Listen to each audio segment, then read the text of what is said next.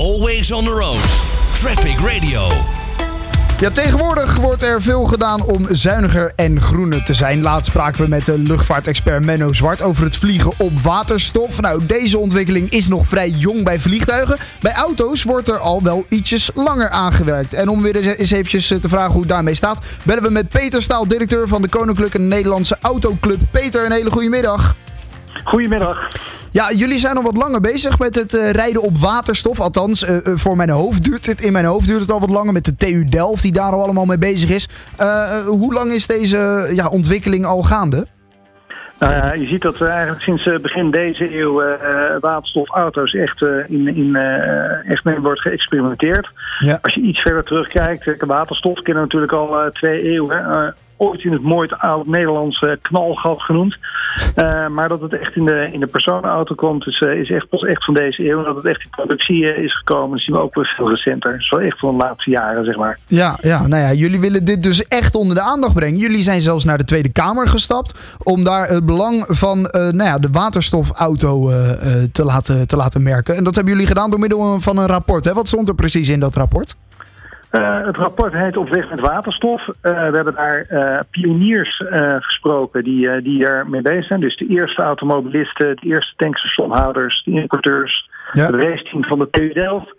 En we hebben dus gesproken hoe hun rijervaringen zijn. Wat vinden ze nou van het rijden met die auto's? Hè, dan gaat het met name om de Mirai 2 Mirai 1 en over de Nexo.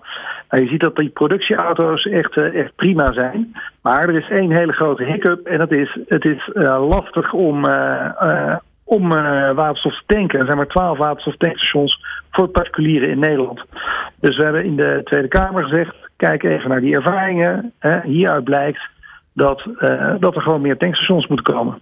Juist, dat is voor nu dus, dus vooral nog het grootste probleem van jullie. Uh, waarom is dat waterstof nu zo belangrijk? Want we hebben ook al een elektrische auto en daarin is de techniek ook al best ver. Daar kunnen we volgens mij 400, 500 kilometer mee rijden. Dat kan nog niet met een waterstofauto volgens mij.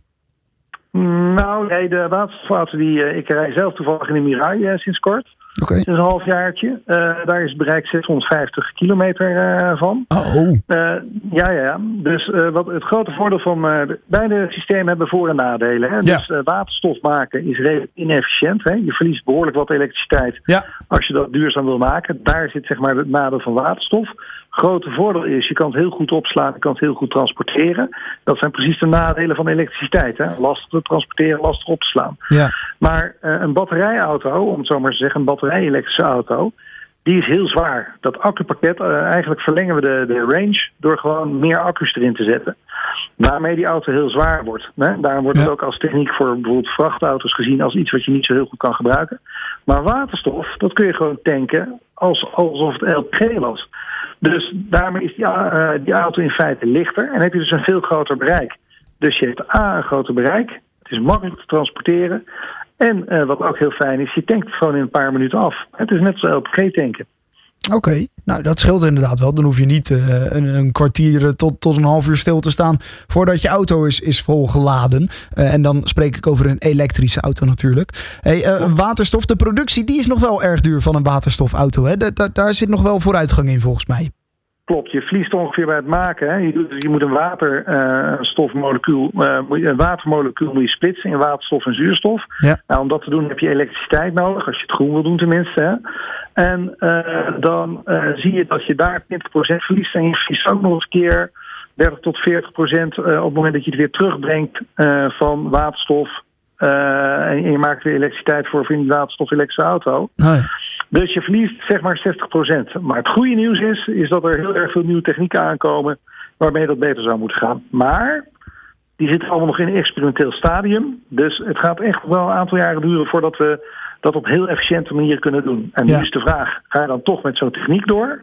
Of ga je vol inzetten op, uh, op uh, batterij elektrisch? En wij zeggen als knak, jongens, hou nou je mogelijkheden open. Wij vinden batterij elektrische auto helemaal goed. Overigens vinden wij ook de nieuwe generatie dieselauto gewoon helemaal goed hoor. Dus uh, Ja. Euronorm 7 diesel is ook prima. Maar sluit nou op voorhand ook zo'n waterstofauto niet uit. En omdat, omdat uh, vanuit de consumentenhoek daar eigenlijk dat niet wordt opgepakt, hebben wij als knak gezegd, we hebben het ooit in de 19e eeuw gedaan voor de benzineauto. Laten we ons nu ook gewoon inzetten voor de waterstofauto. Precies, en laten we in ieder geval zorgen dat Nederland er klaar voor is. Onder andere dat je dus overal kan, kan tanken. Voor, want dat is, dat is een van de dingen die jij net zei, wat, wat, wat een probleem is. Uh, laten we in ieder geval zorgen dat Nederland daar klaar voor is. Dan even over het rapport. In dat rapport staat dat jullie een marktaandeel van 10 tot 15 procent verwachten. Op welke termijn is dat precies? Uh, dat verwachten we uh, rond 2040, 2040. Dat gaat echt wel even duren. Okay. En voor beeld, er rijden nu ongeveer 500 auto's op waterstof rond. Ja. Uh, het versnelt wel. En, en, hoeveel procent dus, marktaandeel is dat? Aantallen zeggen percentage, maar niet zoveel, maar het is 30 procent gegroeid. Oké. Okay. Uh, dus je ziet wel dat mensen het leuk vinden en dat het, uh, en dat, dat het aanslaat. In de pricing zit hij ook een beetje in, het, in de range van, laten we zeggen, de hoge echelon Tesla. Dus voor 70.000 euro heb je een prima waterstofauto.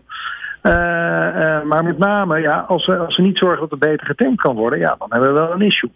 Ja, en, en daar roepen jullie dus uh, in ieder geval, uh, nou ja, jullie wijzen de Tweede Kamer op deze technologie en, en dat dat dus beter georganiseerd moet worden. Is er al een reactie vanuit de, de Tweede Kamer, van partijen, nou, uh, het kabinet ja, misschien zelfs? Is, in principe is het, is het heel goed ontvangen gisteren. Je biedt het aan aan, een, aan een, in dit geval de, de Vaste Kamercommissie voor Infrastructuur en Waterstaat. Ja. daar vonden we wel in het oor. We zijn heel benieuwd. Morgen is er een, is er een groot debat in de Tweede Kamer over uh, duurzame mobiliteit.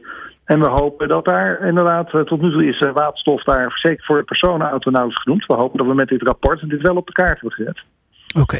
Dus dat is dan uh, dus morgen een, een, spannende dag voor jullie, of valt het wel mee? Zeker. Nou, okay. nou, we zullen uiteraard je lobbyt voor iets. Dus je hoopt ook dat het, dat het weerklank vindt. Ja, ja, dat snap ik. Nou, dat gaan we dan dus allemaal in de gaten houden. Voor nu wil ik je bedanken, Peter Staal, directeur van de Koninklijke Nederlandse Autoclub. Always on the road. Traffic Radio.